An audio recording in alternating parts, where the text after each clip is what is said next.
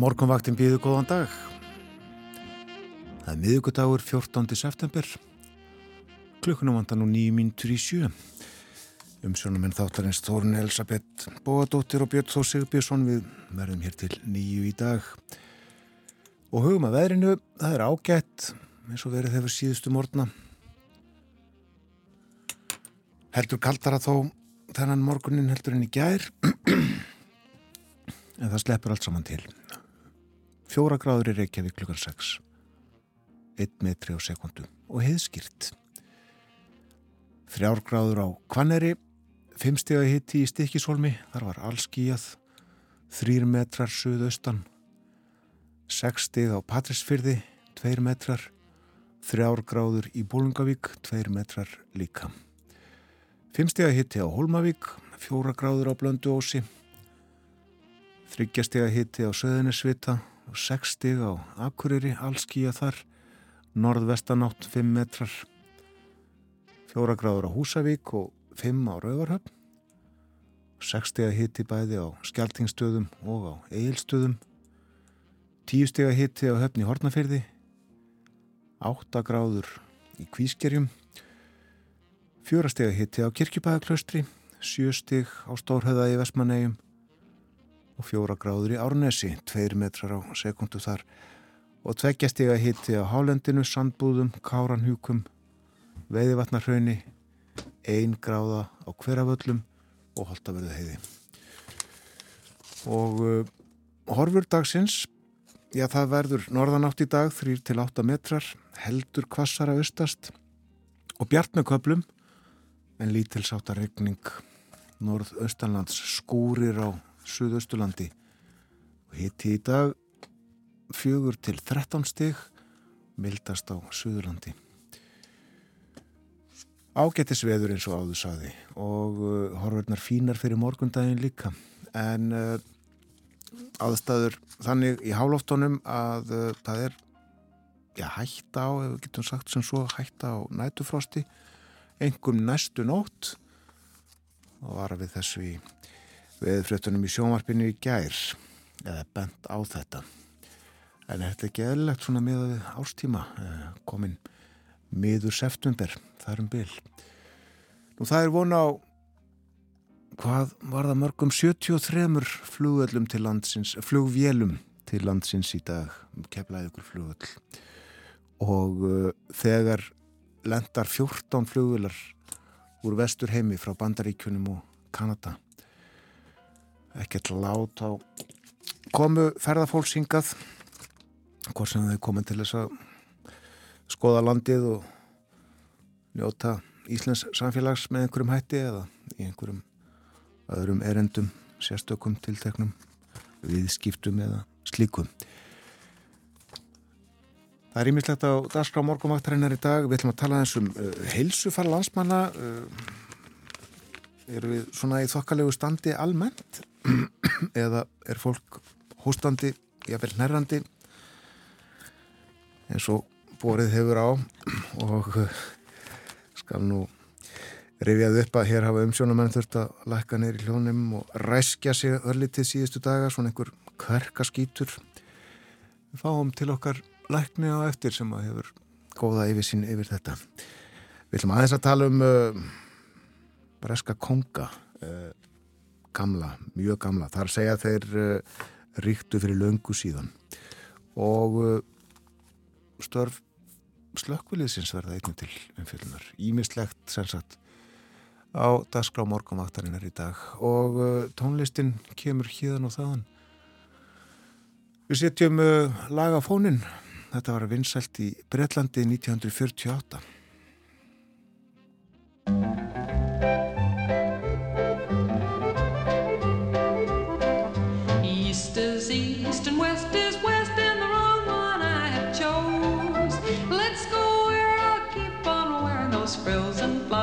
Buttons and bows, rings and things and buttons and bows. Don't bury me in this prairie, take me where the cement grows. Let's move down to some big town where they love a gal by the cut of her clothes, and I'll stand out in buttons and bows.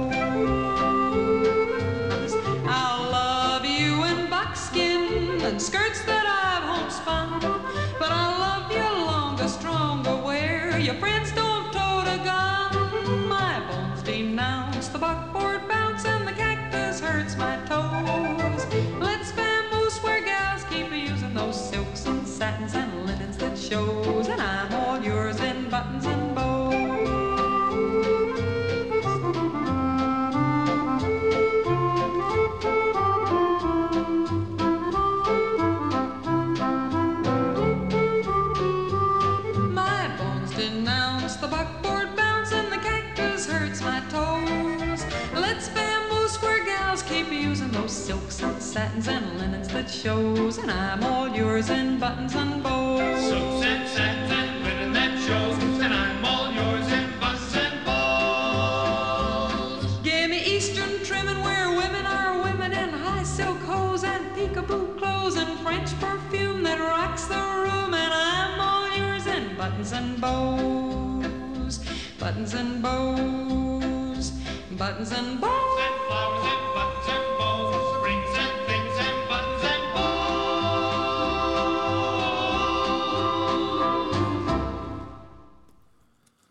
Buttons and Bows hétt þetta lag, Dinah Shore and, and Her Happy Valley Boys fluttu. Og þetta var vinsalasta lagið í Breitlandi í november 1948 en uh, það var einmitt 14. november sem að lítill snáði fættist sem að hlaut nafnið Karl Charles og reyndar fleiri nöfn. Hann er í dag uh, kongur og uh, hvers vegna leikum við þetta? Já, ástæðin er svo að við ætlum að fjalla um uh, Karl konung Breitlands tvo raunar Karl fyrsta og Karl annan. Hverjir voru þeir? Við heyrim um það í þættinum í dag. Og ímislegt uh, fleira á dagskrá eins og við uh, fórum stuttlega yfir áðan og greinum betur frá eftir réttirna sem að koma eftir stuttastund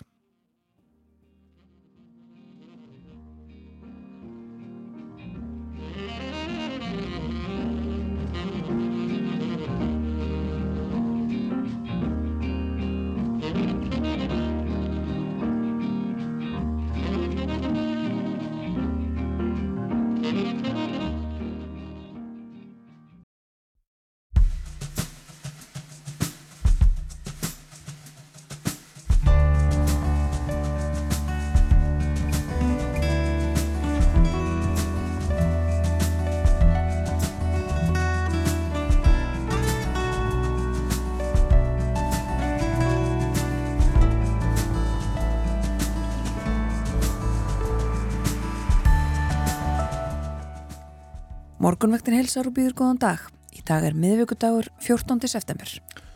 Sumrið er tekið að halla og framundan er haustið. Þeirri annars ágætu árstíð geta fyllt umgangspestir á ymsutægi og við heyrum í kringum okkur að margir eru hóstandi og nærrandi þessa dagana og þurfum svo sem ekki að leita langt. Við ætlum að spjalla um almennt heilsufæra landsmanna við Sigriði Dóru Magnúsdóttur, framkvæmtastjóra lækninga hjá heilsugjæslu höfuborgarsvæðisins. Hún verið hjá okkur klukkan hálf átta. Þegar að Karl Bretaprins varð konungur Bretlands í síðustu viku, þá varð hann Karl þriði. En hverjir voru nafnar hans, Karl fyrsti og Karl annar? Þeir voru feðgar og ríktu á 17. öld, þó ekki koro eftir öðrum. Báðir voru í embætti um aldar fjórðung en afreguðu fátt. Vera Ídljóðadóttir segir okkur frá Körlum tveim eftir morgunfréttir. Rúmur tögur jarðgangaðir á Íslandi og mörg hver komin til ára sinna. Sögum uppfylla ekki nútíma kröfur um öryggi. Það skipti máli að slökkvilið og aðrir viðbræðs aðilar kunni til verka ef slís verða í jarðgöngum. Umfangsmikil æfing við slíkar aðstæður var haldinn í vaðlega í gær. Við forutnustum hana í dag þegar Óðinn Svan Óðinsson, fréttamaður á Akureyri, ræðir við Ólaf Stefánsson slökkviliðstjóra. Umsjónamenn morgunvaktarinnar eru Björn Þór Sigbjörnsson og Þórun Elisabeth Bóadóttir.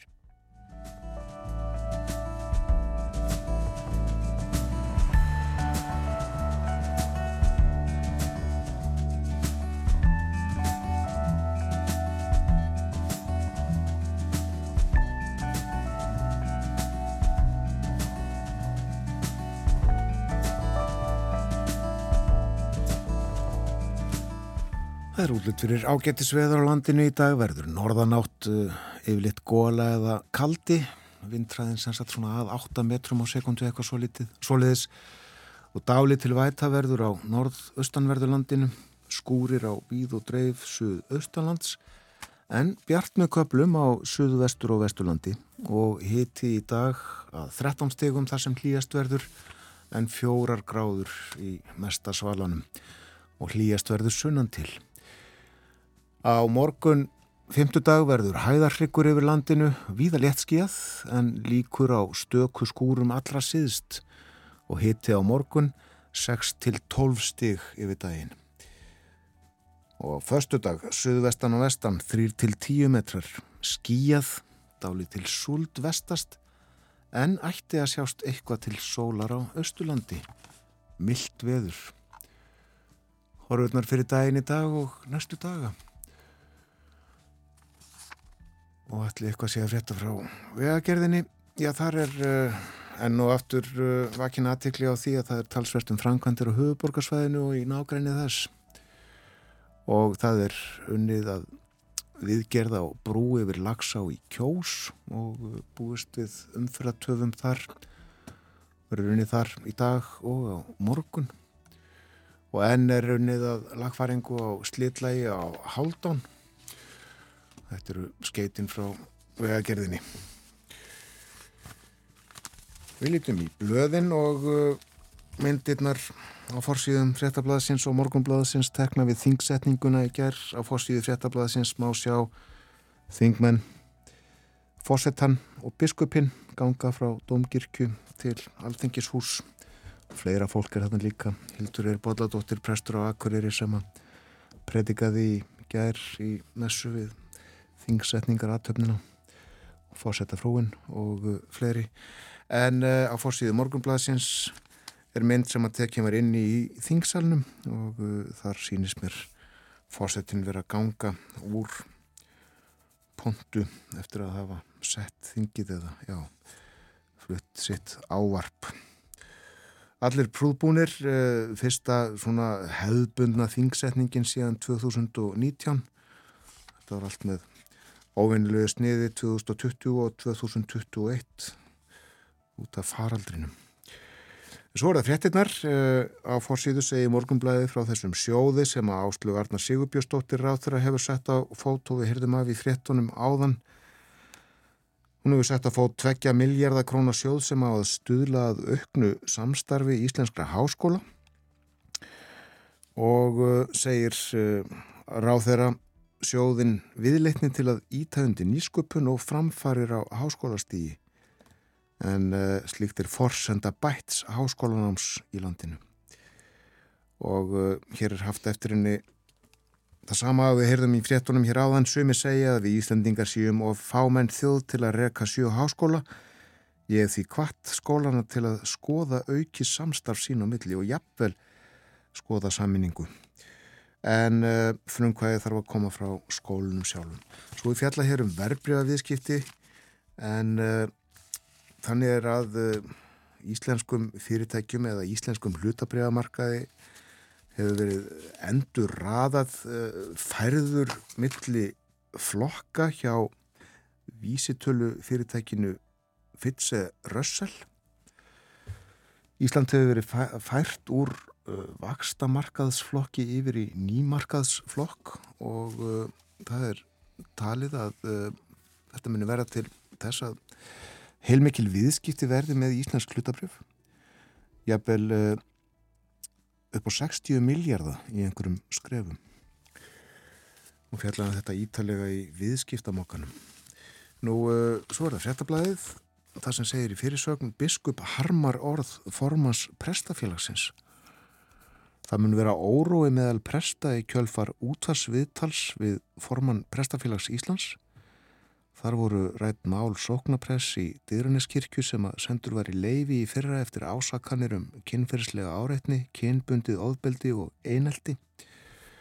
Og formaðið Prestafélagsins, Arnaldur Bárðarsson, var í viðtali á útvarpi sögu og hann var spurður þarna út í, út í mál pressins í Dýruneskirkju og uh, talaði eitthvað óvarlega að mati presta og uh, biskups sem að er hér sagður harma málflutning prestafélags formansins það er alltaf eitthvað. Það er alltaf eitthvað, já. Og uh, það er líka alltaf eitthvað að fretta frá útlöndum.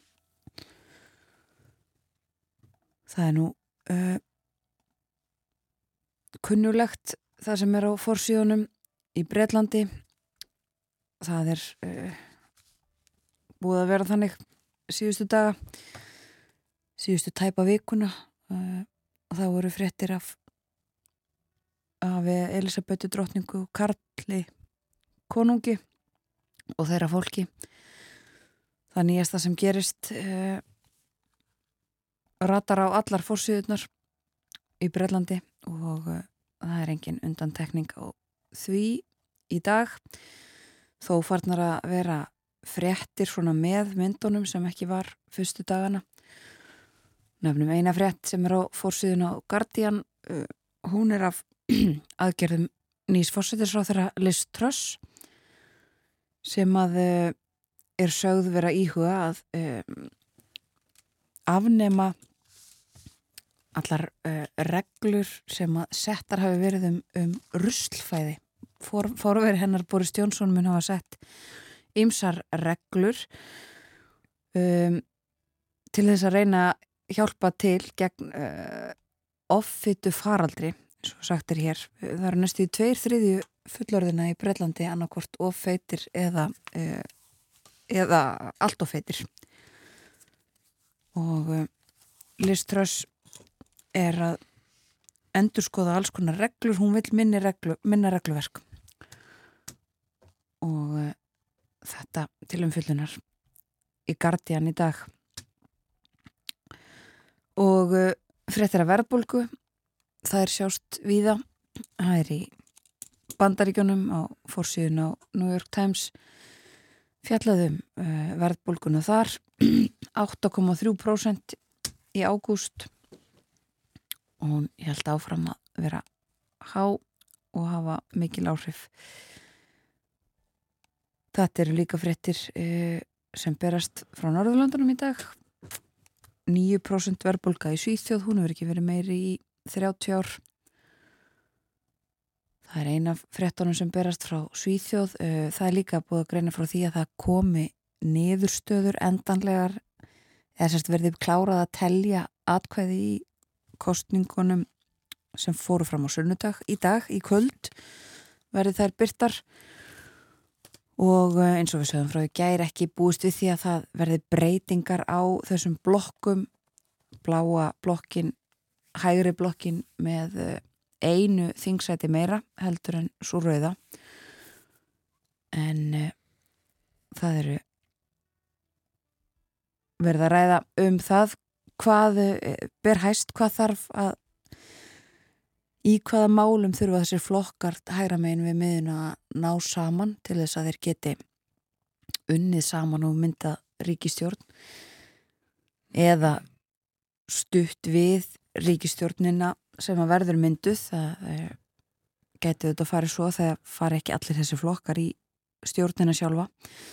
Og uh, sænska ríkisútarpið talar við stjórnmálafræðing sem að segir að þetta er þrent um, sem að þarf að finna út úr núna. Það eru Evrópusambandsmál flokkarnir hafa ólíkar skoðanir á þeim þó að Svíþjóðademokrater hafi fallið frá því sem er áður uh, vildu sem var að Svíþjóð gengi úr Evrópusambandinu.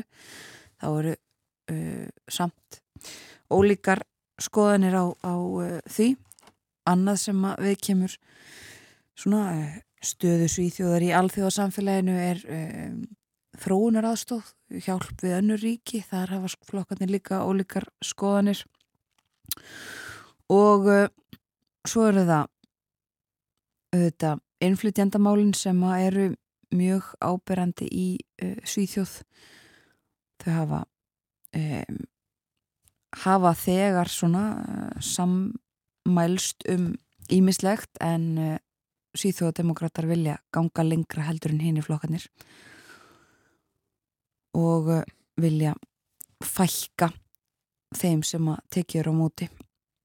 Og að lokum þá eru líka uh, flokkanir með ólíka ólíka skoðanir á atvinnuleysis bótum þær voru hækkaðar í koronaviru faraldrinum þar vilja svíþjóðademokraterni halda hækkunum uh, en aðrir flokkar vilja lækka þær aftur Þetta er svona stór mál sem að þarf að leysa úr að stjórnmálafræðinga í Svíþjóð.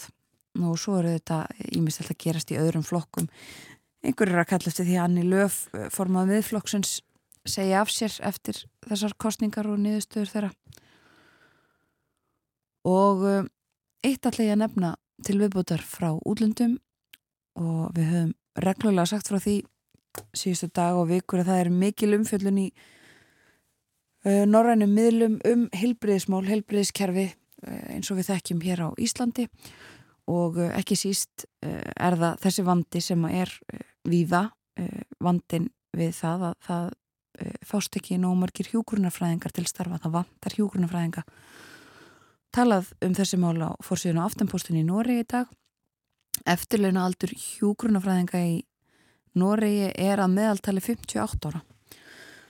Og sagt hér að uh, skorturinn á hjúgrunafræðingum uh, það væri hægt að reynsa hann burt á einu bretti ef að hjúgrunafræðingar innu allir einu ári lengur en þeir gera núna. Ímislegt sem að talið er til sem lausnir á þessu málum. Við komum heim. Dagur íslenskra náttúru er á förstu daginn, 16. september og af því tilipni þá fjöllum við um náttúruna næstu morgna. Við lesum nú lýsingar á dásamlegri íslenskri náttúru. Grípum niður í grein Franks Lusaste Fontenay sem um ferðir hans um hálendið. Hún byrtist í tímaritinu Perlum árið 1931, fyrsta tölublaði, fyrsta árgangs. Frank Lusaste Fontenay var sendið herra Danmerkur á Íslandi og hann skrifar Mér er það sönn ánægja að verða við beðinni útgefenda hins nýja rétt sem að skrifa nokkur orðum óbyður og lána nokkrar af myndum mínum. Sérstaklega vegna þess að ferðin mínar um óbyður Íslands eru meðal minna bestu endurminninga sem ég hef frá dvölminni hér á landi. Útlendingur sem kemur frá sléttulandinu til Íslands mun einna mest heitlast af hennum háu fjöllum og jöklum og þannig var það með mig. Lofsöngur Jónasar Hallgrímssonar um landið fríða og nokkrar skjótar ferðir upp á Heklu og Snæfellsjökul vöktu hjá mig löngun til að kynnast hennum víðáttu miklu örafum og fann hvítu jöklana tindum. Og árin 1925 til 27 fór ég í þrjár langferðir upp um óbyggðir til að njóta fegurðar náttúrunar og ánægunar af því að ferðast með góðum förunutum og vinnum. Sá staður sem heitlaði mig einna mest var heið áður óþekta svæði vestan við vatnajökul milli tungnárbotna og vonarskarðs. Hér höfðu hinnir dularfullu útilegum en dvalið. Hér var hinn lindardómsfulli stórisjór með hinnum bröttu brekkum aðlíkjandi, einmanna og án frárenslis. Norðvestan við hann var heið fræga eyvindarkofaver og í suðvestri voru hinn mörgu fiskivötn með ara grúa fugglum og fiskum. Og uppi í sjálfu mjöklinum voru tveir fjallsnjúkar, kerlingar sem enginn hafði ennþá heimsótt. Yfir Ylluaver við Köldu Kvísl fóru við 1925 og náðum þessu takmarki óskaminna. Ferðin kringum kerlingar var 16 tíma erfið ganga en enginn sá eftir þeirri árenslu. Innan við jökulröndina við rætur hinn að tvekja fjalla voru tvö stöðuvötn, kólgræna lit. Á þeim flutu stórir ísjakar sem runnið höfðu úr skreiðjöklinum. Útsýnið var víðáttu mikið og mikilfenglegt í glitrandi sólskinninu. Í söðri Langisjór, í vestri Þórisvatn og í norðri Kerlingarfjöll, Hofs og Tungnafellsjökull. Leiðin frá Illuaveri og upp að jöklinum liggur eftir breyðum dal sem gengur til östus inn að kerlingum. Til vinstri tegja sig öldu myndaðar hæðir inn í hágungurhrun en til hægri liggur stór fjallgarður með mörgum tindum, mjög eiðilegur að sjá. Þegar komið var yfir kvöldukvísl var hverki stingandi strá og engin örnefni báru vitni um að þar hefðu byggðamenn komið í leitir. Árið eftir kom ég aftur að gjánniðin í þetta sinn frá fiskivötnum, þar sem ég hefði dvalið nokkra daga með Guðjóni í Ási og Pálma Hannesinni, núverandi rektor. 20 tíma ferð fram og tilbaka yfir endalösa meli og sandöldur. Við uppgötuðum að aðeins norður endi heljargjár var fylltur hrauni, þverti gegnum hinn stóra fjallgarð og hinnar miklu sandöldur náðuðum næstum niður að fiskivötnum. Aðeins klukkutíma reið þaðan kvarfun smátt og smátt í sandin. Heljar gjá er um 20 til 25 km löng, sunnan til sandorpin, miðstykkið eins og djúb sprunga gegnum fjallgarðin, oftast nær fyllt með sandi og norðurendi hennar fullur af hrauni. Að líkindum er þetta sprunga eftir jarðskjálta, engin eldgjá. Einkennilegt og mikilfenglegt var það tíma eftir tíma að fylgja gjá þessari sem hefur megnað að kljúfa heilan fjallgarð. Og á slíkum ferðum eru atbyrðinni svo markbreytilegir og landslægið svo mismunandi að það er vandið að velja hvað maður á helst að segja frá slíkum ferðum eða hvað hafi haft mest áhrif á mann. Hérna löngu ferðir á hestbakju um bjartar sumarnætur í henni djúpu einveru og kyrð eru eftir vill dýrlegustu endurminningarnar frá ferðum í öröfum.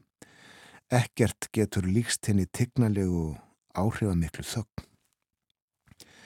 Kvöld eitt reyði ég frá Bjallavaði við Tungna á niður að Múlá á landi. Ég var einn með fjóra hesta.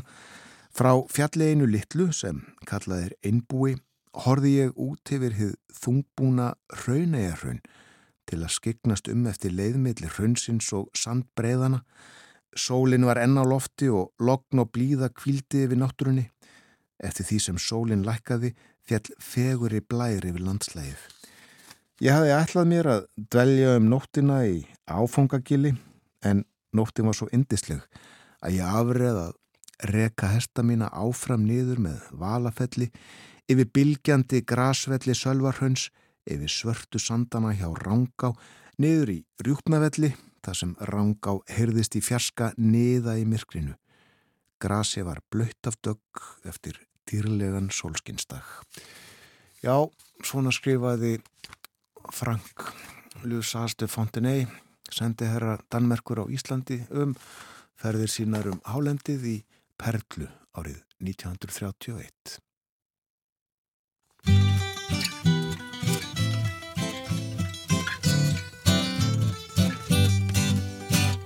Komdu inn í kofan minn er kvöld og skyggja fer Þig skal aldrei yðra þess að eyða nótt hjá mér Við æfintýra eldana er ímislegt að sjá og gladur skal ég gefa þér allt gullið sem ég á.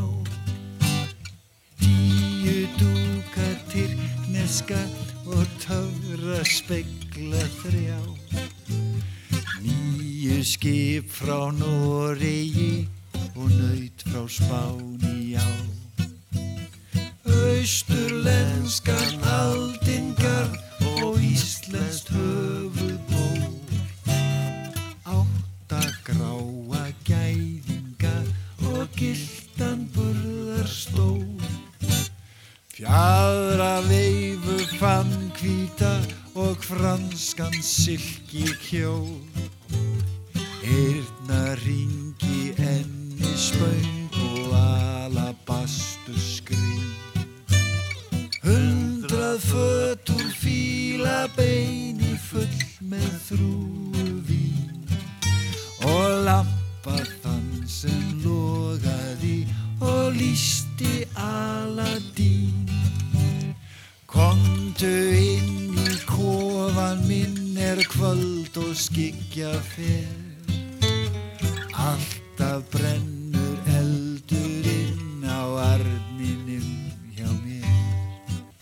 Ég glemdi einni gjöfinni og gettu hver hún er Ég glemdi bestu gjöfinni, ég glemdi sjálfum mér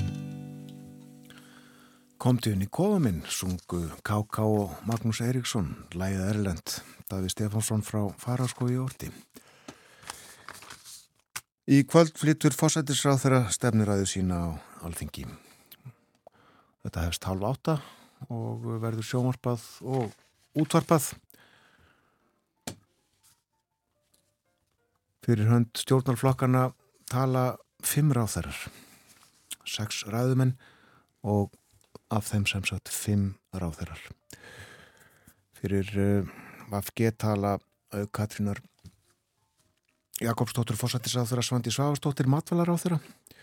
Fyrir sjálfstæðisflokkin tala Bjarni Benditsson fjármálaráþurra og Hildur Sverrisdóttir og fyrir framsóknarflokkin Sigurður Ingi innviðaráþurra Jóhansson og Viljum Þór Þórsson helbriðisáþurra og við segjum frá ræðumönnum minni hlutaflokkana, stjórnaranstöðuflokkana á eftir en uh, þetta er sem sagt í kvöld klukkan halv átta. Ég vissum að uh, þjóðin fylgist með uh, við erum býstna áhugasum um pólitíkina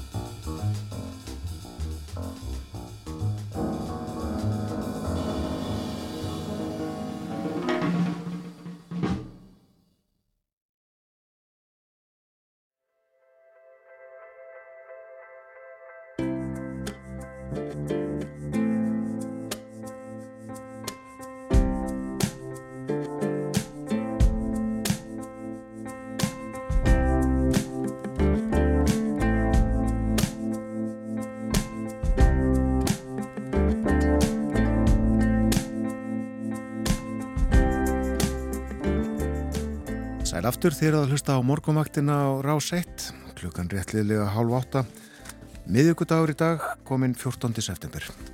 Sólinn tekin að skína við fögnum því, allt eins og það á að vera.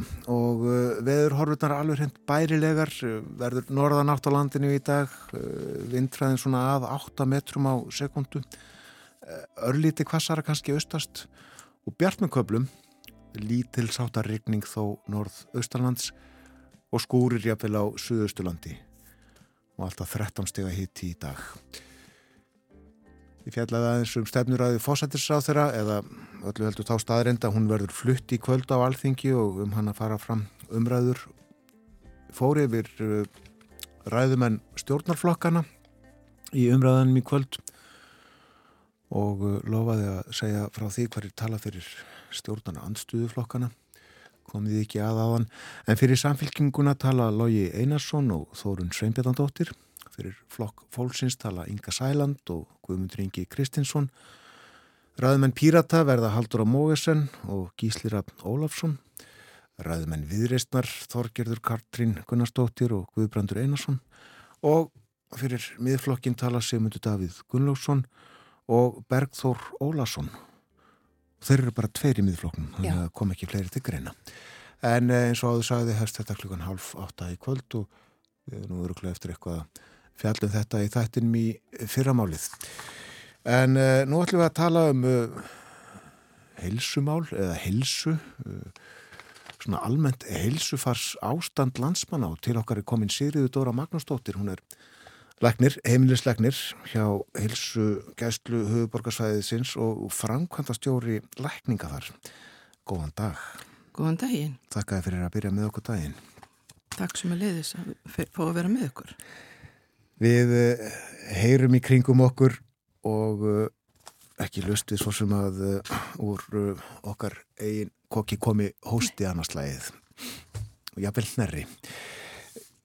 Hvað segir okkur um svona almennt helsufar uh, landsmanna núna meðan septembermónuð?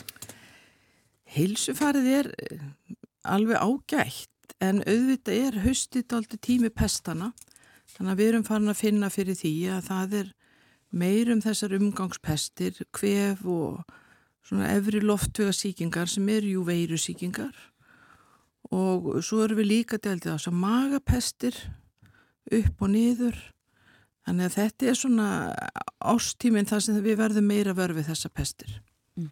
Akkur gerist þetta á höstin? Það er nú, það er nú markþætt. Bæði náttúrulega kólnar aðeins og þá er eins og öndunafærin okkur síðans viðkamari fyrir pestum. Við erum ekki alveg með sömu vartinnar. En svo líka breytist hegðun okkar Eh, Við erum miklu meira inni, við erum miklu meira nálega hvort öðru, skólanu komni í gang, leikskólanu komni í gang, allt býður þetta upp á mikla nánd og, og þá eru smitlegaða greiðari. Einmitt, uh, og það er bara töluvert um þetta, það var nú svolítið talað um það líka í, í, í fyrra vettur að, að það væri mikið af uh, umgangspestum en það er kannski ber með, bera með sér að þær farið þetta um. Var það þannig í fyrra að það var meira um þetta heldur en venjulegt er? Nei, held, um, það er bara eins og þetta kom okkur óvart á hverju hausti en þetta er ástíminn.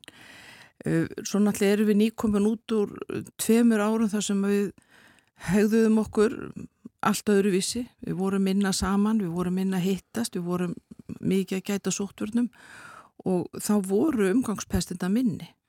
Við vorum að berjast í COVID og það er bara þannig að þessar sóttarnir sem var verið að hvetja okkur til að nýta við COVID eins og handþóttur, sprittun, veri ekki alltaf nálega hvort öðru, uh, gætaði hvernig við hóstum, hósti olbúbútina, ekki framinni hvert annað. Allt þetta hefur áhrif og þetta eru kannski atriði sem við eigum ekki alveg að gleima. Halda áfram að passa okkur, spritta, þú hendurnar. Þetta er góð leið til að minka smitt. En hvernig er með uh, já, þessa pesti sem þú nefnir og, kvefi til dæmis, þetta leggst mjög mísjaflega á fólk sem er bara, eiginlega eru alveg, alveg ómögulegir. Já, auðvitað eru við mismunandi og sumir eru með undirlíkindi sjúkdóma, eitthvað ofnami eða asma og mm, það sem að svona pesti verða alltaf er, erfiðar. Lang flestir fá kvef sem er ju veirusíking, það verða svona einkenni frá nefunu, nefrensli, hósti, uh, jafnvel smá uppgangur, það er ekkit óeðlegt við veirusíkingu og, en svo klárast þetta bara á nokkurinn dögum. Og, en það er alltaf viss hluti sem fær fylgisíkingar eins og kinnhólubólgu eða lúnabólgu en það er bara mjög lít hluti og það kemur ekki næri strax. Þannig að lang flestir klára bara sína pest með þessum húsráðum og heilbriðri skynsemi og skynsemi, skynsamri hegðun og þá klárast þetta nokkur um dögum. Já, þú nefnir húsráð, mæliru með einhverju sem er til í eldhúsinu? Já, ég geri það. Bæði náttúrulega ef maður á nú eh, smá sko, hýtastillandi lif eða verkjastillandi lif eins og panodíl er, eða parataps, það er alltaf góðulega að taka það, það manni líður aðeins betur en svo bara passu upp á að vökva sér vel, bæði náttúrulega að drekka vatn en líka ykkur að drikki sem að færa manni næringu og bara góðu tepolli getur gert kraftaverk. En hvað með uh, engifer, hunang, uh, sítrónur, hvaða er? Hjálpar allt, hjálpar allt, endilega byrja þarna, nota þessi ráð sem hafa verið reyndi árana raðir, þetta gerir gagn. Mm. Gott bað, góð sturta, drekka vel, þetta hjálpar. Já, það er gott að frí bað. Já, heitt bað, þetta mýkir allt upp. Já. En á, sko, hve, hvenar á fólk að halda sig heima þegar það er með hvef? Það fyrir eftir hvernig líður og hvernig, og svo sem líka aðeins hvernig vinnaðstæður eru. En aðalmáli er hvernig þið líður. Þú þarft ekki að vera heima þó þú sért smá, smá nærrandi eða smá rámur og, en getur hagaði skynsálega vinnustæð og ert ekki að vinna innan um til dæmis mjög viðkvæmt fólk. Þannig að þá máttu alveg fara í vinnun eða þið líður sæmilega. En þarf maður, þarf maður ekki að, að gæta sín á að um eitt smit ekki fólki í kringu sig? Jú, maður þannig alltaf bara að taka tillit til annar í umhverfunu og um, það er svona svona Og við lærðum það á síðustu tveimur árum. við erum búin að læra það og við kunnum þetta alveg þannig að við þurfum bara aðeins að rifja þetta upp þannig bara nota skynsum en maður þarf ekki vera heima en maður á kannski ekki vera að fara í klukkutíma í ykkur líkansrækt eða út að hlaupa endalust þegar maður er lasin þá er maður svona að hafa sér skynsanlega en maður má fara í vinnu ef að vinnaðastæður eru þannig Já. Og ekki fara í leikús að þú ert með hósta. Nei. eða tónleika Nei, einmitt. Uh, já, uh, þú nefndi líka uh, aðrar umgangspestir, uh, fólkar með magapestir líka. Já. Hvað með þær? Hvernig höfum okkur með þær? Jú, það er náttúrulega, við getum smita þeim með úðasmiti en aðals, yfirleitt ganga það nú fljótt yfir, það er ganga fljótar yfir. Og við finnum það svo greinilega þegar við erum ennþá lasin, þá erum við listalaus og, og svona, þannig að En það er sama, það fer bara eftir hvernig mann er líður hvort maður þarf að vera heima. En maður á að um, svona hlusta á líkamann í þessu eins og öllum pestum og þá til dæmis bara, maður er listalaus bara að reyna að uh, koma í sig ykkur næringu, Eh, það þarf ekki að vera mikið, aðeins vatn en ekki bara vatn, heldur líka ykkur drikki sem veit að manni næringu og orku, alls konar orkudrykkir og um, eru hjálp og bara eins og sé aftur te með hunangi, sítrónu. Þetta er gott, maður kemst langt.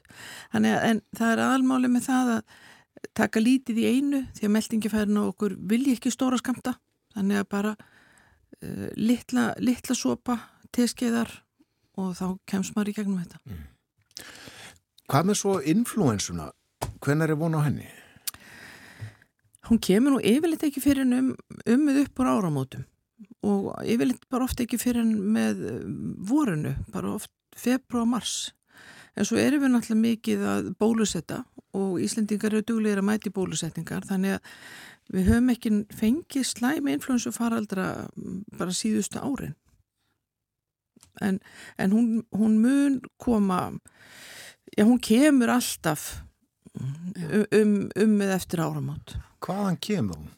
Hún fer bara ringferðum heiminn. Við búum, það er ekki við, það er búin til bólefn út í heimi, þá er aðtúað hvað er í gangi, hvaða nýju veirustofnar er núna í gangi í Östurlöndum og uh, þá höfum, höfum við tíma til að búa til bólefni sem mynd, virkar þá gegn þeirri flensun sem von er á.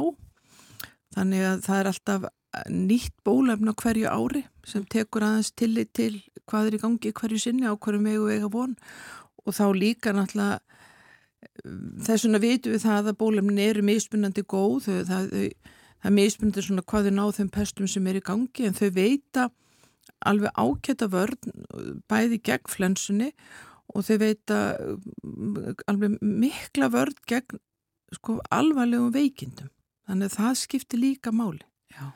að þau, þau, þau eru gagleg Hvað er þetta uh, margir eða stórt hlutfall sem að fer svona reglulega í þessa influensu bólusetning? Eh, það er verið að panta alveg eh, að nú mann ég bara ekki akkur að töluna. Það eru er, er, sko týjur þúsunda eh, sem eru, sem eru bólusettir á, á hverju hausti. Ból, það er svona landlæknir sem kaupir bólefnið og síðan eru bara heilbristofnarnir sem fá því drift út og við byrjum á forgangshópum eldri fólki og þeim sem eru myndilenginda sjúkdóma.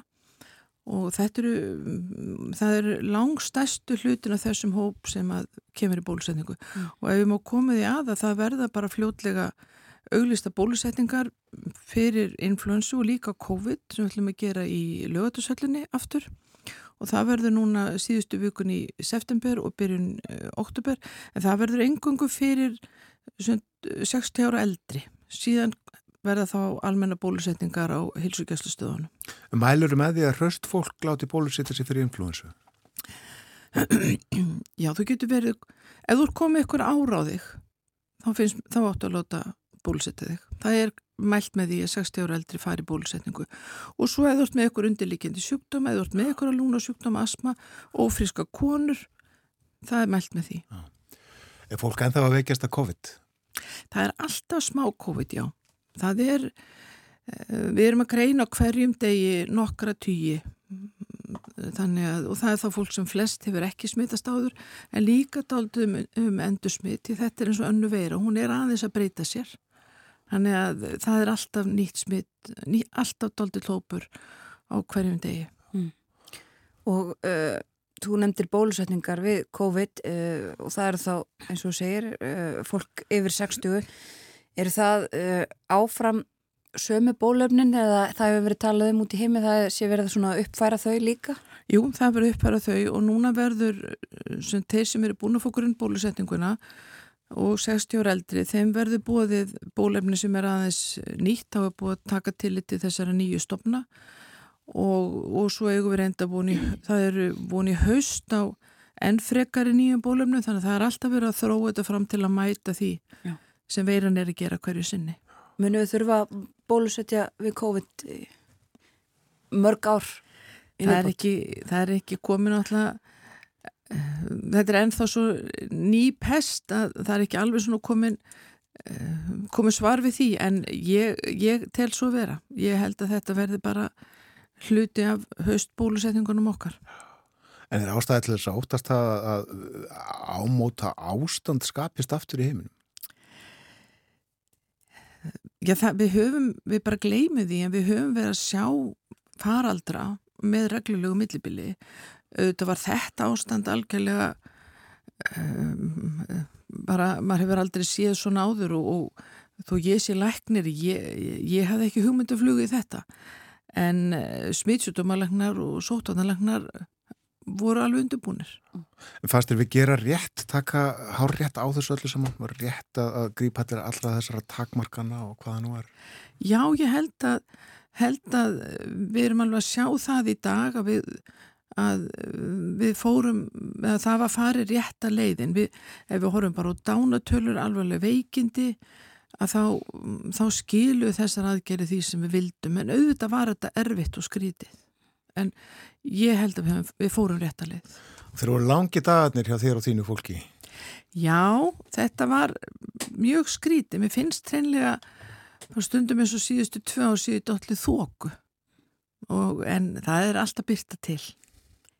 Já, þetta var þungt. Eh, Það er að byrta til, eh, er sem sagt svona aðeins að losna um fólkið á heilsugjörslunum, er auðvöldar að komast þar að og fleiri þeimtur eða? Það er að losna um og við erum fann að geta sinna betur þeim verkefni sem að við erum svona venjulega að gera en, en um, það er gríðarlega mikið að gera bæður náttúrulega um verkefni sem hafa beðið. Fólk hefur kannski ekki farið til lagnis í sín árlegu eftirlit, fengið lífinni gegnum síma en nú þarf það að fara að koma. Þannig að þetta er, það er gríðarlega mikið álag. Já. en við viljum mæta því. En það er svona líka eru við svona að byggja fólkum að taka tillit til og vera ekki að koma þegar að er ekkit að gera annað en að fara bara í, í skápin heima og, og nota húsráðin og svona. Já, það er þetta nýja átak sem að uh, fólk hefur kannski séð auglist. Það er einmitt auglýsingarna sem eru til þess svona aðeins því það er gríðarlega mikið af upplýsingum á vefnum, á helsuveru uh, og við viljum bara auka helsulæsi Íslendinga og við erum svo skynsum þjóð og, við, og kunnum þetta allt saman þannig við eigum að nýta okkur þessi ráð og þessar upplýsingar sem eru þarna, það er til auka heilsuleysið þannig að fólk uh, viti meira þá hvena það á að koma og svo er, er þess netspjald heilsuveru, þar eru hjúkunarfræðingar sem eru að svara alveg frá 8 mótnana til 10 á kvöldin og gefa góð ráð, þannig að það er sjálfsagt að nota sér þessar leiðir. Hversu mikið er um að fólk komi til læknis að óþörfu? Ég, hef, sko, það er gríðarlega mikið að gera út af, út af pestum, út af einhverju sem við getum ekkert gert við. Um, ég eh, hef nú sjálf kosa lítið að það sé kannski ekki óþörðu því þú ert sjálfur hrættur um eitthvað hættulegt sé að þess vegna kemuru um, og þá viljum við frekar upplýsa fólk um að það, það, þetta sé ekki merkjum hættulega sjúkdóm og þess vegna eigur ekki verið að koma. Þannig að þá getur lesið til hvenu þú þarfst að koma Er, er, er, er, sem sagt ráð eða, eða skilabóð læknis uh, oft til fólk sem að kemur þau að uh, farði heim og jafna þau? Já, mjög oft. Og sérstaklega á svona, eh, á svona dagvöktum og það sem er svona opin móttaka og eitthvað svona þessi fólk getur komið.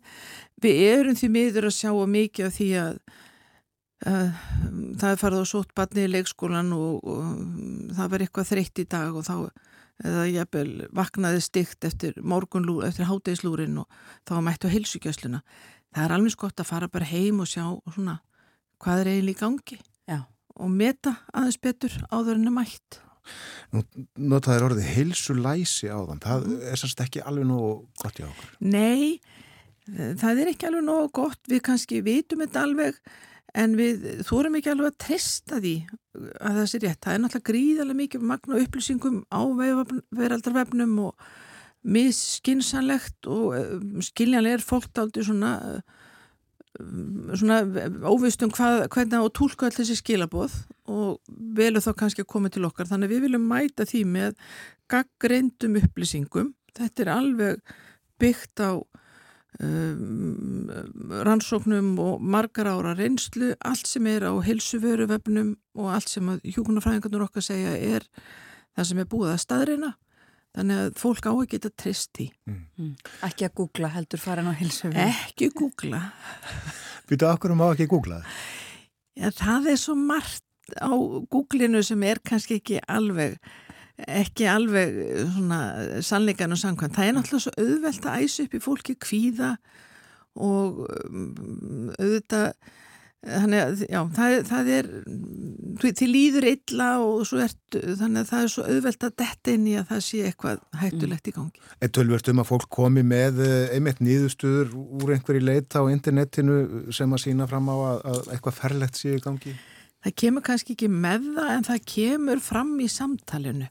Svona rétt í lokin og þá kannski sérstaklega samtöl að maður er eiginlega hálf hissa á því hvað viðkomandi er að gera því að enkennin eru svo lítil og maður er eiginlega átt að sé ekki alveg á því af hverju viðkomandi er að eigða sínum tíma og peningum í að koma til laknis og þá kemur það oft upp svona að já ég var eitthvað að var eitthvað að lesa og þannig þannig við, já, Já, kemur fram í lokin. einmitt. En Sigri Dóra, við erum búin að, búin að tala svolítið um svona, um, já, síkingarnar og það sem að uh, gerist og hvort að fólk mæti til læknins og allt þetta, en ef við aðeins í lokin kannski að tala um hvað við getum gert svona almennt í vetur til þess að reyna að koma í veg fyrir að við veikjumst, hvernig við eigum að hafa okkur. Jú, það er nú bara aftur þetta, þetta gamla með heilbriða skinnsemi og heilbrið lífverðni því það til dæmis uh, reglubundun reyfing, holt og fjölbreytt mataræði, góður svefn, þetta hefur að segja fyrir ónæmiskerfið.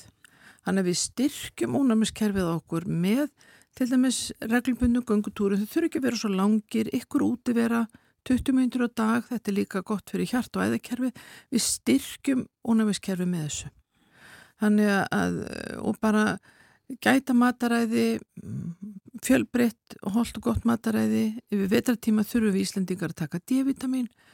Þetta hefur alltaf að segja til að byggja upp okkar ónæmiskerfi og, og svona mótstöðu gegn pestum. Fyrir utan það bara líka gæta bara andleiri hilsu, ef okkur líður vel þá eru við miklu sterkari, þólum mikið betur ykkur minna áföll, þannig við höfum að gæta líka að andleiri hilsu og þannig að þetta, þetta hefur að segja. Og svo hefur við áfram að spritta okkur. Svo hefur við að spritta okkur og þó okkur hendurnar og hafa okkur skinsanlega. Já. Var eh, einhver sem að sagði þarna þegar einhver, einhverju mánuður voru eh, liðnir af, af heimsfaraldrinum hvað ert þú búin að vera að gera að undanfjöndu? Já, ég er eiginlega bara búin að vera að þóa mér um hendurnar. Já, það er ekki, það er ekki vittlus ákvöður Já. og ég sé sem betur fer allir inn í búðum og verslunum og bara skrifstúum, spritbrúsanir og standanir eru ennþá, þannig við eigum að nota það áfram. Þetta hefur allt að segja. Já. Við höfum komið víða við í þessu uh, spjallið Sigriður Dóra, þú ert uh, frangatastjóri lækninga hjá Hilsugjenslu höfuborgarsvæðisins. Þú lækna líka eða ekki? Ég lakna líka og hef mikið gaman af. Ég hef búin að starfa sem heimilislagnir í átti 30 ár og hef alltaf jafn gaman af því. Já, skemmtilegra heldur en að vera á skrifstofunni í Excel-skjölum og öðru slíku. Þetta er góð samsetning. En mæluru uh, með heimilislækningum við uh, læknanema? alveg ótvírætt þetta er eitthvað, það er skemmtilegsta sem maður gerir og maður hefur náttúrulega alla breyttina í starfinu maður hittir fólk á, á svo skemmtilegum tímum, við erum ungbarnavendina maðuravendina, við erum alveg með frá bara upphafi, fylgjus með fjölskyldunni og síðan eh, taka við unglingsárin þroska árin og við erum mikið einnig að sinna öldruðum. Þannig að við erum með alla flóru mannlífsins og þannig að þetta er mjög skemmtilegt starf. Já, já, það er gott að heyra. En hvernig verður dagurinn? Ferðu í kvítasloppin eða sestu við skrifborðið? Nei, nú er ég að fara að setja sér skrifborði. Við erum aldrei að vinna í mitt starf sem frangotastjóri er bara að reyna að bæta starfsumhverfi á hilsugjastlustöðum með alls konar gæðamálum og mm, verkferlum og þannig að það er, það er svona verkefni dagsins. Já.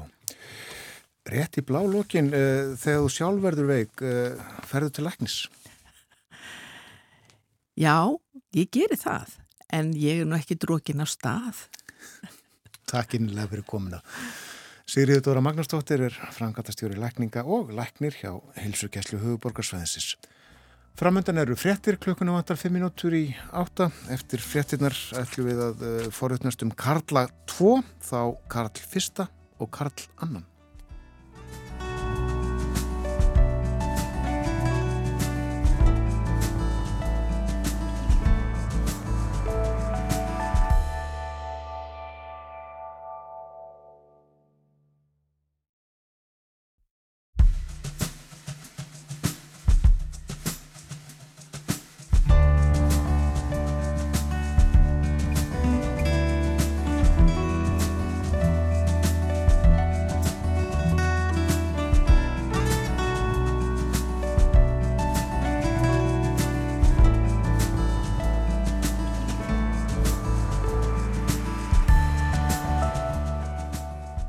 Sælaftur þegar það hlusta á morgunvaktina klukkan farin að ganga nýju.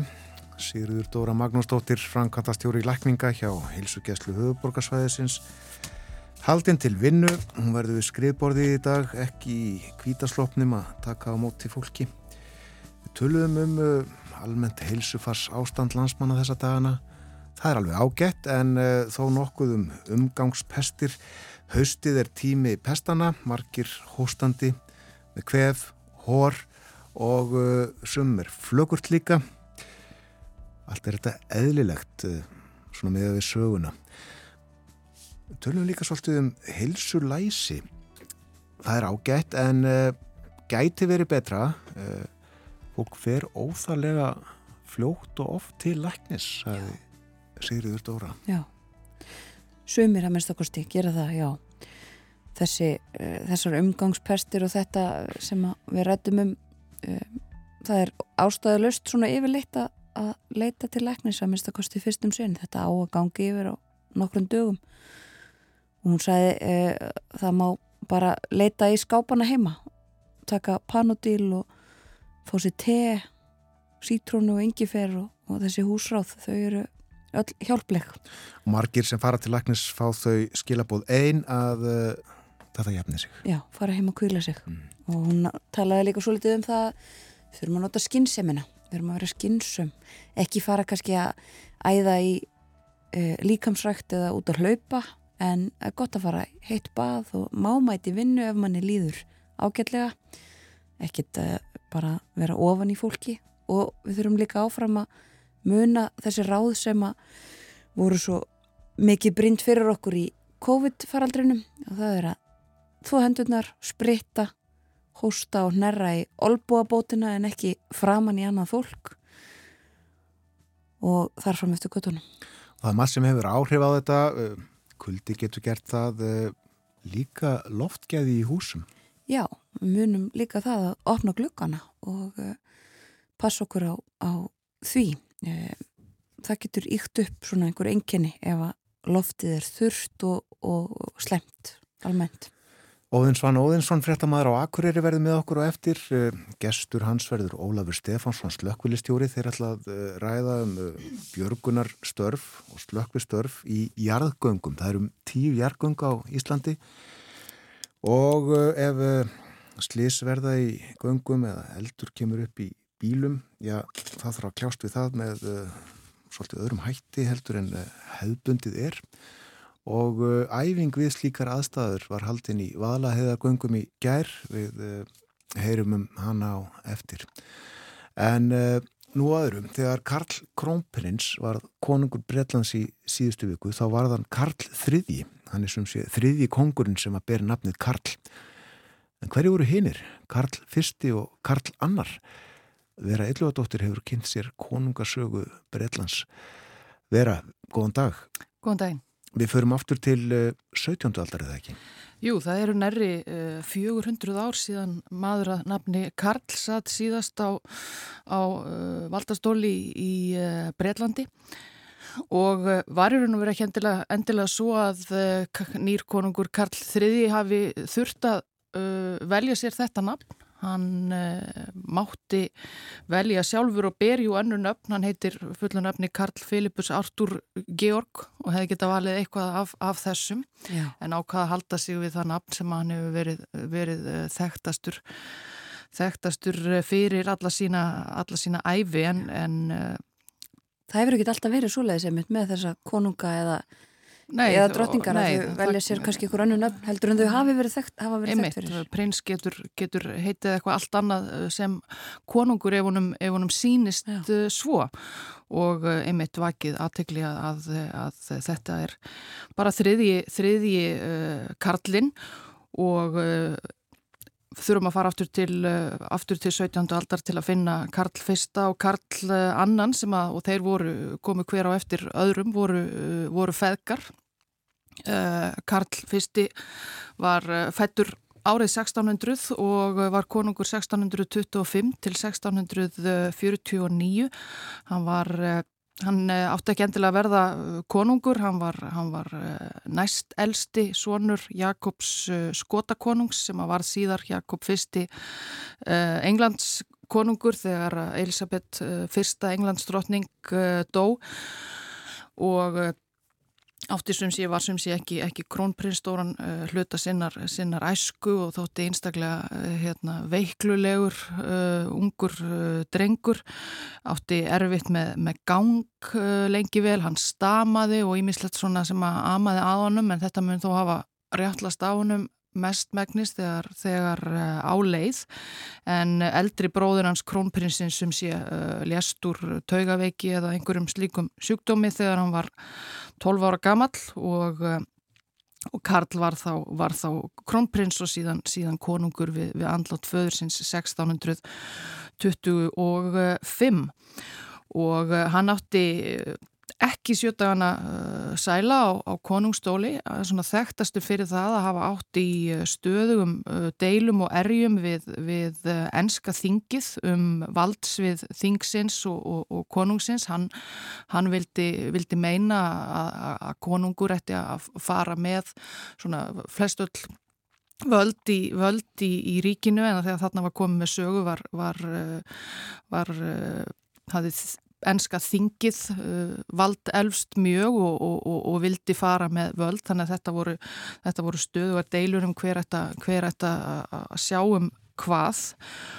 Og uh, og ímsa, ímislegt í, í, í fari konung sem að, sem að fjall uh, þingmönnum og, og þingsinnum ekki. uh, meðal annars að, hann, hann giftist uh, kathólskri uh, prinsessu Henriettu Marju dóttur Hinriks fjórða frakkakonungs sem að bandaríska ríkið Maryland er uh, nefnt eftir, má, má geta þess. En allavega hann enda, átti í þessum, þessum miklu deilum sem að endaði á því að það braust út uh, borgarstyrjöld millir þingsinna og, og konungsinna 1642 uh, enska, uh, enska borgarstríðið sem átti eftir að uh, standa í, í mörg ár og, og, verða uh, mjög mörgum uh, englendingum að, að bana.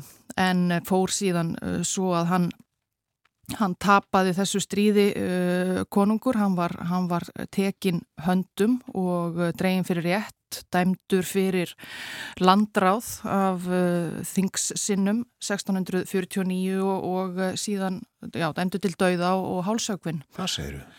Þannig að það fór ekki vel fyrir þessum Karli fyrsta, sagan segir að hann hafi, hann, hann síðasta ósk fyrir, fyrir aftöku hafi verið að hann fengi að klæðast tveimur skirtum að því þetta var, þetta var á nöbrum janúardegi og aftakan fór fram utandira uh, og mikill fjöldi áhorvenda og hann vildi tryggja það að hann skjálfaði ekki á kulda svo, svo, svo að líðurinn sem að horfi á held ekki að hann væri svona væri svona hrættur við yfirvofandi döðdaga sinn. En hann var sem sé hálsökvin 1649 og uh, var þá uh, konungsveldið, í, konungsveldið aflagt og, uh, og við tók stjórn, uh, stjórn þingsinna og, og hins mikla harstjóra Oliver, Olivers Cromwell. Engin kongur og engin drottning í Englandi um skeið sem sagt. Já, og síðan er það sonur hans, elsti sonur Karl sem varð Karl Annar, hann var 18 ára gammal þegar fadir hans varð uh, höfðunu stittri og uh, flúði uh, flúði land þegar að, uh, þegar að stemdi í ósigur, ósigur konungs og konungssinna í borgarastyrjöldinni. Mikil saga af því hvernig honum tókst að, að, að flýja eftir loka orustu borgarastyrjöldrennar. Hann, hann, hann, hann kom sér einhvern veginn út í, út í einhvern skó þar sem hann faldi sig uh, inn í stóru eigartri á meðan hans var, var leitað þarna um, um skógin og uh, síðan tókst honum að tókst honum að komast í, í, í dulargerfi ímiskonar á endanum til Fraklands og var síðan í, í útlegð í, Evrópu. Klókur gæi sem Einmitt. Og hann var uh, í útlegð og, og á meðan var ekkert, ekkert konungsveldi. Oliver Cromwell reyndi síðan uh, mikill uh, einræðisherra, púritanni, bannaði allt uh, sem að gætt talist skemmtilegt, alla skemmtanir, jólahald og, og, og, fleira. Hann fjall frá 1658 og svonur hans uh, Richard Cromwell sem átti að taka við reyndist ekki svona sami uh, skörungur og þingið uh, fekk á endanum nóg af þessu og ákveðið var að endurreisa uh, konungsdæmið og, og 1660 þá var, þá var Karl uh, Annar uh, sóttur í útlegðina og, og tekið með kostum og, og, og kyn, kynjum heima í Englandi og, kríndur konungur. Og uh, hans tíð var nú, skárri er það ekki fyrir englendinga heldur en Jú, það var, ekki, það var allavega ekki borgarastyrjöld, svona, hann, hann átti sumuleiðis í, í, í deilum við, við, uh, við þingið og ímsa aðila en, en ekki kannski á sömu, sömu heift og hann svona þótti aðalega uh, mjög eðslusamur og hafði mikinn áhuga á, á lífsins uh, listisendum og, og, og, þeim svona lifnaðarháttum sem að, að konungstitillin bauð uh, upp á og sömum blöskraði það kannski en, en aðrir voru nú bara ánæðir með að, að komið væri almennilegur og gladur, gladur konungur eftir, eftir þessi mögru og leiðinlegu ár sem að höfðu verið á undan. Hann uh, var giftur dóttur konungs uh, Portugal en þeim var ekki badna uh, auðið, hún misti sífælt fóstur en uh, Karl Annar átti gífulegan fjölda hjákvenna sem hann fór ekkert, ekkert uh, svo lengt með og eignaðist með þeim að minnstakosti 12 börn held ég. Þannig að hann átti mikinn svona barna skara til hliðar þó hann hef ekki, ekki eignast formlegan erfingja. En já, hann svona, hann átti ekki erfingja þannig að það var, það var, það var yngri bróðir hans sem að tók við uh, 1685 eftir, eftir, eftir hans dag. Og uh, ég las það að svona sagfræðingar sagfræðingar segja að svona arfleið hans sé, sé misjöfn og, og svo litið umdelt, hann þykja ekkit endilega að hafa verið mikill stjórnskörungur eða tekið réttar ákvarðanir í, ímsum málefnum uh, stjórnmálana en, eh, en margir sem að, sem, að, sem að voru ánæðir, margir almennir englendingar sem að voru ánæðir með hann á, á, á sínum tíma því að hann var svona, var svona konungslegur og, og mikill gleðimaður og, og, og hann sé enn minnst fyrir þetta og er svona nokkuð vinsæll vinsæll uh, konungur enn í dag það eru um, mörg verk sem að skáldsögur og, og annað sem að, sem að fjalla um hann og, og svona, kannski svona lífið við, við hyrðina frekar en, frekar en það sem átti sér stað út í þjóðfélaginu. Já, þetta var um Karl fyrsta og Karl annan en uh, stórmerkileg tímabili enski sögu þarna á milliðra þegar þeir Cromwell feðgar uh, voru aðal menninir á Englandi. Sem- En þeir voru ekki kongar. Nei, þeir voru bara, já, voru uh, kallaðir annað og, og átti þetta var að konungsveldið hafi verið, verið, verið aflagt en uh, fóru með öll, öll völd í raun. Já. Þakka að kellaði fyrir þetta að vera eitthvað dóttir. Saða okkur hér frá uh, þessum feðgum sem að voru kongar í uh, um það byl aldar fjórðung korum sig þarna á 17. öldinni og uh, nú hafa englendingar Karl III. Við hlustum á lag, uh, hér er uh, gamalt ennst þjóðlag.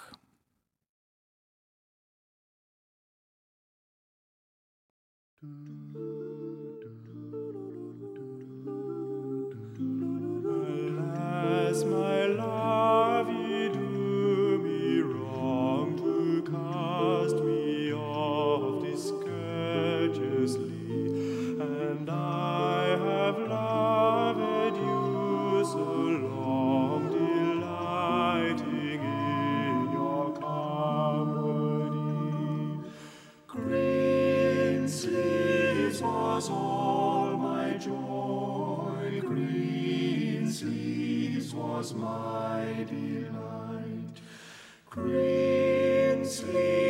my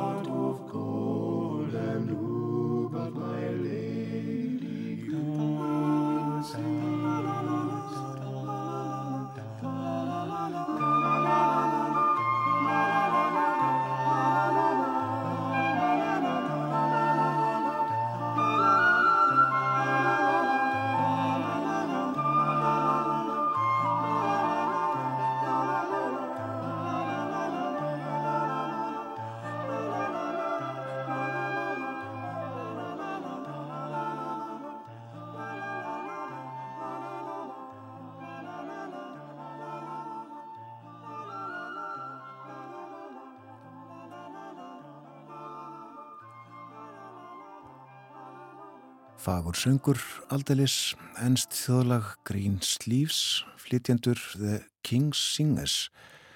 Söngflokkur sem að eh, er nú með öllu ótengdur ennsku hyrðinni þrátt fyrir nafnið. Það voru nokkri strákar, fimm eða sex sem að námu við Cambridge háskóla sem að stopniðu þennan söngflokk og uh, þeir eru þekktir mjög. Ég var hlusta á annað lag með þeim, King Singers. Við þekkjum þetta. What shall we do? What shall we do? What shall we do with the drunken sailor? What shall we do with the drunken sailor? What shall we do with the drunken sailor early in the morning? Hooray, up she rises, hooray, up she rises, hooray, up she rises early in the morning. Put him in the longboat till he's sober, put him in the longboat till he's sober, put him in the longboat till he's sober early in the morning. And up she rises, hooray, and up she rises, hooray, and up she rises early in the morning. Pull out the plug and wet him all over. Pull out the plug and wet him all over. Pull out the plug and wet him all over early in the morning. Hooray, and up she rises, hooray, and up she rises, hooray, and up she rises early in the morning. Put him in the scuppers with the hosepipe on. Put him in the scuppers with the hosepipe on. Put him in the scuppers with the hosepipe on. And early in the morning. Hooray, and up she rises, hooray, and up she rises, hooray, and up she rises early in the morning. Heave him by the leg in a rub, heave him by the leg in a rub, heave him by the leg in a rub, by the leg in a rub, heave him by the leg in a rub, by the leg in a rub, by the leg in a rub, Hooray, up she rises, hooray, up she rises, hooray, up she rises early in the morning. Time to the tap, which is right, over, time to the tap, which is right, over, time to the tap, which is right, over, early in the morning.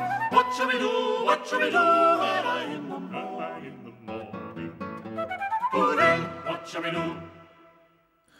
Hvað ber að gera við drukna sjóvaran?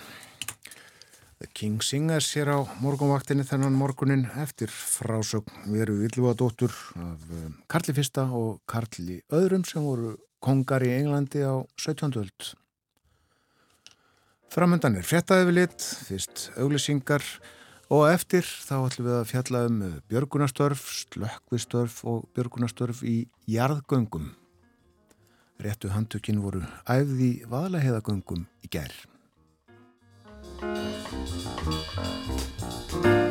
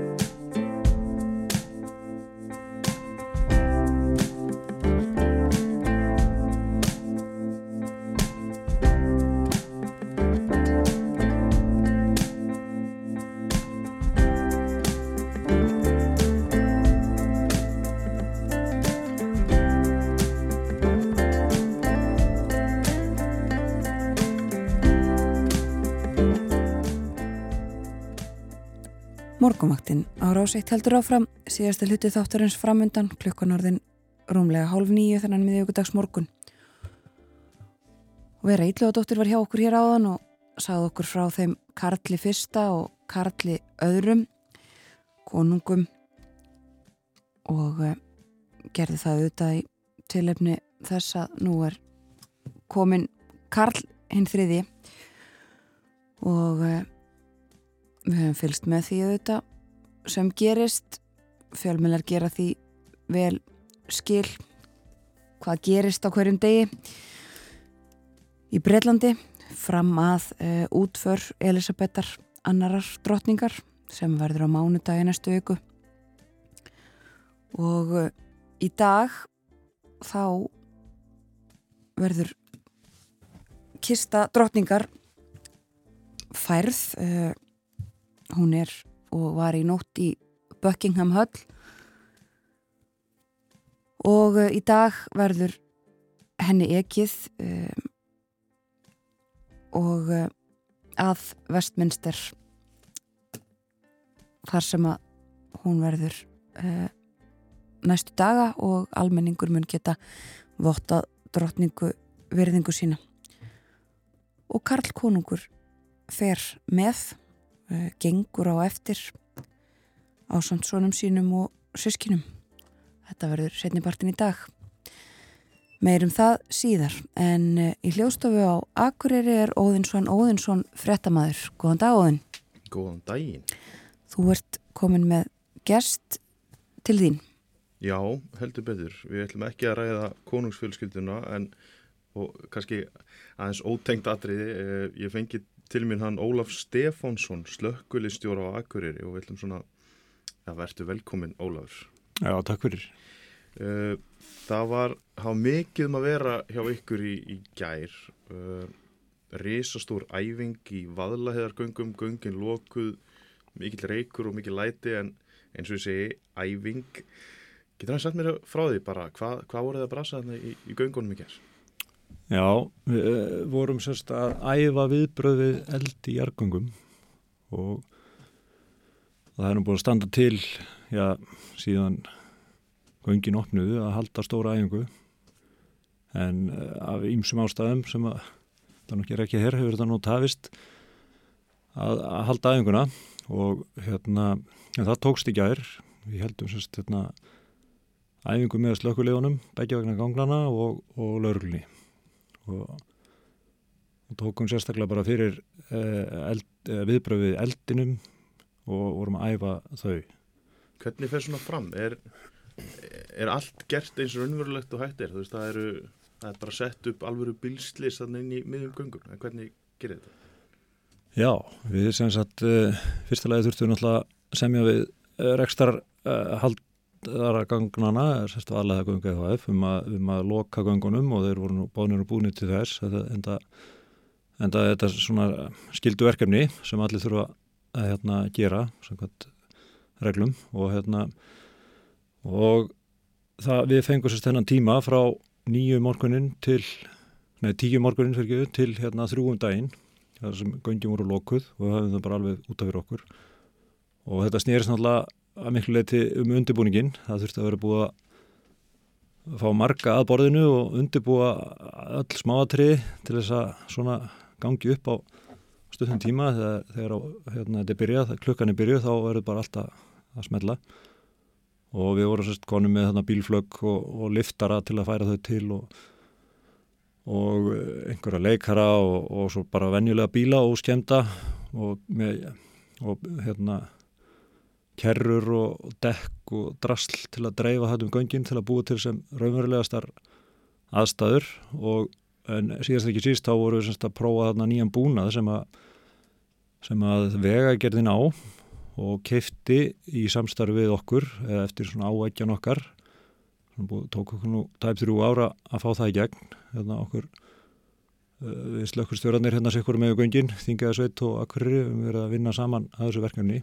Í, í nokkuð mörg ár og, og síðustu hérna 2-3 ár hafa farið í að að sem sagt svona semjaði veðgerina og, og, og, og hann eiginlega og ákveða hvaða búna þyrti og hérna og við fengið aðstóð mjög góðra aðila við það og þar á meðal þetta fyrirtæki hætti í Hollandi sem við heimsóttum nú fyrir einhverju, einhverjum áru síðan og hérna sem að fór bara í það að setja upp sko hvað svona búna að pakka sem myndi henda okkur í þetta verkefni og það, þau, þau komu svo hingað sem sagt holdningarnir, þau eru hjón mjög hérna, magna fólk alveg sem að hérna, það sést bara fylgdi með í verðinu að þau myndu koma hingað og, og kenna okkur á búnaðin og svona hvernig væri gott að nota hann og, og setja upp þessa æfingu í valegagöngum sko. þannig að það þurfti náttúrulega alltaf að passa saman líka þannig að þetta er búið að vera svona Já, eins og segi, mikill undirbúningur að koma þess á álækinar en, en, en eins og, og, og í gæri þá smallit allt saman og, og allt tókst vel til. Uh, þessi búnaður sem að sem sagt, við erum að nota eru uh, sem sagt, margar stórar reykvilar sem eru reykvilar sem eru bara fólk þekkir af svona hljónsittarru með á, á, bara úr sjallan. Já, sjallanum sko. En maður er þessar, þessar svona svolítið stærri og öfluri sko. En þetta er samt alveg sama pælingin sko. Þú veist, þetta er samskonar reykur og þú veist, og, og það veit allir sem hafa verið á balli í sjálfanum að það er hérna að það skadar eða ekki þessi reykur sko. En þú, þú en er nú miklu magni og nú þykkur á sérð ekki neitt sko. Og þetta upplifun er eins og að veri í, í raunverulegum reyk í raun og veru sko. Og hérna uh, Já og þetta semst, er, þessi búnaður er semst, reykvelar, ljós, hátalarar og gasbrennarar.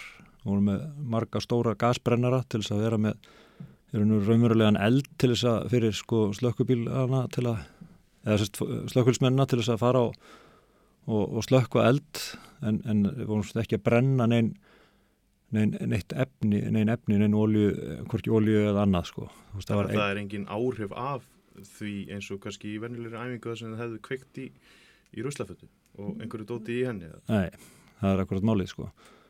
Að, að það, það sem að hefur týðkast hjá slökkuljónum í gegnum tíðina er að brenna hei eða timbur eða ólju eða, eða jafnvel húsgögn og, eða eitthvað annað til þess að hérna, mynda búa til aðstæðunar til þess að æfa sér en, en núna eru bara breytti tímar og við þurfum að fara að hugsa þetta örvísi og, og þarna eins og í gær þá, þá var ég hérna að segja, við tókum sérst þrjú rönn eða þannig, við kerðum æfinguna þrísvar á þessum tíma. Og, og í síðasta síðustu æfingunni þá fór ég nú sjálfur og var hérna inn í gangunum allan tíman og á kafi reik og alveg óvarinn og fann ekki ekki hvorki hérna óþægindi að því eða annað sko, þannig það er alveg, alveg magnað að geta sett upp sko æfingu sem er nú raunverulega til þess að slökkursmenni sem er reikunum tæki og finn ekki lykt þessuna sko en, en, en fyrir þá er þetta bara raunverulega rastæður þeir eru sjá hérna loðandi bíla og þeir, það er alltaf kafi reik og, og hérna dót og drastlút um allt og með þess að kveikjum í svona dóti með því að smyrja svona geli á það og, og kveikjum svo í gelinu. Þetta er sem sagt verður alveg það kemur engin reykur af því sko. Svo líka, sá ég og heyrði, hérna, það eru hátalar eins og talar um, það er sett upp hljóð, það er springa þarna dekk og það heyri snark í eldi og, og þetta, er, þetta er mjög raunverulegt. Já, þetta verður mjög raunverulegt með þessum, með þessum hérna, það er hansi margt í þessum dótakassa þarna sem við fengum frá Hollandi. Og þar á meðalið mitt er svona gassprengivarpa sem að er að, hérna, kemur rosa kvellur af, sko, þannig að hérna, er þetta líka eftir að sé að springa gaskútar eða dekka eða náðu, notuðu það æfingunni í gær. Og svo eru stóri hátalar og þar eru svona bara hérna uh, þetta er allt tengt saman við tölvu. Og, og inn í þeir- þeirri tölvu eru, eru hljóðdæmi sem að maður getur svo valið e, bara þá sem er að stjórna æfingunni. Þannig að hann getur sett upp snarki eldi eða hérna fólk að kalla eftir aðstóð eða e, grátur og, og það er þetta að gera þetta mjög svona raunverulegt sko. Og, og það er kannski gaman að segja frá því að þetta fólk, sem sagt, þessi maður sem að hérna, hollendingurinn sem að hefur verið er að sagt, eh, fra, eh, setja saman hennar búnað og, og hérna og þannig að hann virki eða þannig, hann, hann svona setur þetta, hann, hann kannski smíðar ekki reikvelina en hann kaupir hann ekstar og, og, og býr til hennan þetta, hérna þennan búnað sem að, sem að slökkulinn getur svo notað bara allt svona plug and play eða þannig, sko. Að hann er sem sagt eh, með langa reynslu í, í hérna að setja upp uh, svið sem sagt leik hérna sviðslistir að vera svona hérna já, svona special effect uh, maður í, í sviðslistum og, og, og hérna sjónvars og kvikmyndagerð sko. Þannig að þetta var bara hérna, eins og á setti við tökur á, á bíómynd, kannski já, af einhverju leiti. það er raunur uh, svolítið líka sem meira við það sko heldur en, heldur en hérna. Já allavega þú veist þetta er bara algjörlega skadalöst aðstæður fyrir bæði þáttakundur og, og hérna áhörundur og, og aðra veist þannig að er það, er það sem við erum að erum að stíla inn á og það er nú kannski hérna góð ástæða til þess líka núna á þessum tímum að því að hérna það kom nú út hérna, fyrir á þessu ári ný eh, ný flokkun á starfi slökkulsmanna hjá alþjóða krabbamenns nefndinni að það er búið að færa starfslökkulsmanna úr flokki ja, 2B minnum ég að verið sko sem var hugsanlega krabbamennsvaldandi upp, upp um flokk sem að segir að, að það sé staðfest krabbamennsvaldandi að vera í, í reikköfun sko. Þannig að ég held að það sé bara skilda bæði mín og annar stjórnanda að, að, að takast á við það með, með einhverjum svona uh, viðbröðum að, að hætta að æfa til dæmis í í, í hérna alveg reik það er nógu, nógu slengt að þurfa að fól, senda fólk inn í reik þegar kveiknar í en, en reyna þá að, að hafa útsendinguna sem allra minnsta og með því að með því að hérna æfa þá við, við aðra aðstæður sko En nú var, eins og þú segir, þetta var á óskalistanum, jólagjafalistanum ykkar í, þrjú ár að vegagerinn kaupið hann búnað. Nú er hann komin og þeir eru búin að prófa hann. Hvað, hvað verður um hann? Fer hann hérna, ringi kringum landi og fer í hingöngin eða hvað verður gert við? Já og nei, sko, þetta er, við gerðum samhliða, sagt, uh, uh, samhliða hérna því að vegagerinn keftir hann búnað þá gerðum við samning við vegagerina um að slökkulega akkurat um vista búnaðin og, og geiman og sjá, um að, sjá til þess að hann sé í lægi og, og hérna uh, og, og við, starfsmenn slökkulist munu og eru að þjálfa sig á búnaðin og munu verða hérna, tilbúinu til þess að setja upp æfingar annar staðar. Og, og þetta er sérst þegar að vegagerinn eða slökkulistjórar eru nöru sem ber ábyrðaði að séu haldnar æfingar í jargöngum á sínum svæðum þegar þeir kalla okkur til eða sérst koma með einhverja dagsendingar þá munum við hjálpa þeim að, að hérna, undirbúa og setja upp æfingar. Og síðan þegar það kemur að því að þá, þá munum fara nokkur starfsmenn bara með búnaðinn hann er allur, hann er allur í, í kossum og þetta raðunum inn í kærru sem fylgdi með. Þetta, þetta er hugsað hugsað uh, þannig að, að hengja þetta svo byrjan aftan í bíl og við förum með þetta á staðin setjum upp æfinguna og, og hérna og vegagerinn borgar semst kostnaðin af því sem að, af því líst sko. Kanski svona í lokin hversu stórt hlutfall er starf, starfi ykkar í, í slökuleginu að raunverulegum aðstæðum og svo æfingum. Er, er þetta tíu æfingar á móti einu, einu atvikið, hvernig er þetta eins og hjá ykkur? Já, það er sko ég get nú bara að tala fyrir slökulega akkurar og þekki náttúrulega aðstæður best hér. Og ég hef svo sem starfað í fleiri slökulegum sko, þá, þá var það bæði orðið svolítið langt síðan en að aðstæður hafa verið breyst þar líka. En hér er þetta nú þannig að, að sagt, ef við tökum bara heilda fjölda útkalla þá er hann um hann er verið undarfærin ár svona um 3500 er stefnir nú í að vera fjölga núna, svona 3500 útköll á ári og en af því er ekki nema svona 150 útköll á slökkulið Já, hittir sjúkraflutningar og, og svolítið. Já, við erum að fara einhverjum 1900 hérna, sjúkraflug ári og, og restin eru, eru sjúkrabílandi sko.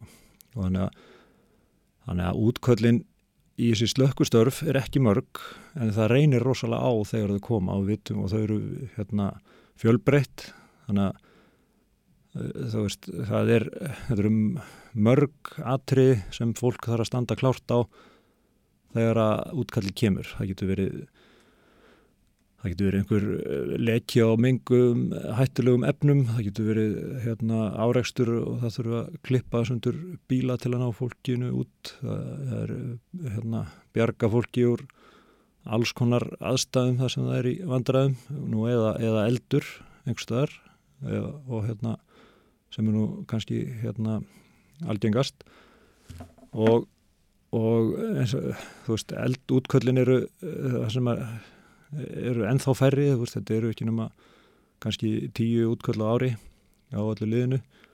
Þannig að það sér það svona hver maður til þess að halda 40 manns í, í hérna formi og vera tilbúinir til þess að bregðast við þessum uh, fáu útköllum þá, þá þarf að æfa. Og, og við æfum mjög mikið og, og hérna það eru, það er sett upp þannig að, æfing, að vaktinnar æfa svona 5-6 sinum í viku sagt, uh, á stöðinni en það er náttúrulega ekki, ekki sama vaktin, þetta eru 5 vaktir sko þannig að það má kannski segja að meðaltali sé eina æfing á viku fyrir hvert starfsmann. Akkurat. Ég heldur komist ekki lengra með þetta Ólafur að sinni en ég bara þakka þér kærlega fyrir komuna í morgunvættinu og gangi ykkur vel í, í barátunni þarna úti. Já, takk fyrir. Og við þökkum þeim Óðunni og Ólafi fyrir þetta. Og ætlum að hlusta á lag. Heyrum Sonny og Sér syngja. I Got You Babe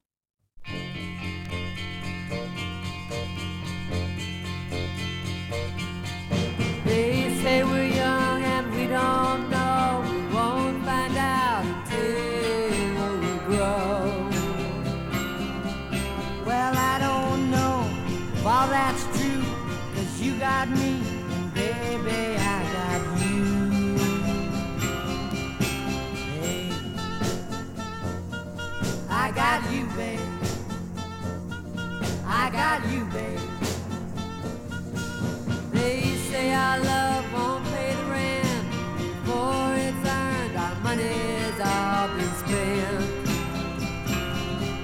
I guess that's so we don't have a plot, but at least I'm sure of all the things we got. Babe, I got you, babe. I got you, babe. I got flowers the spring. I got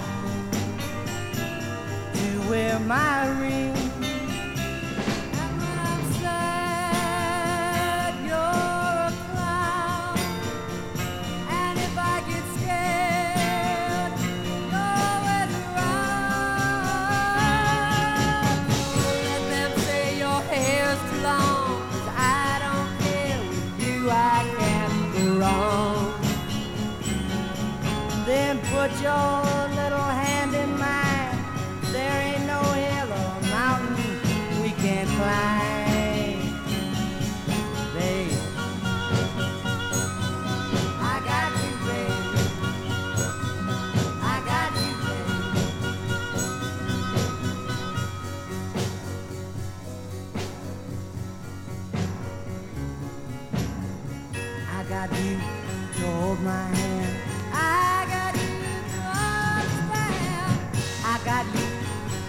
Me.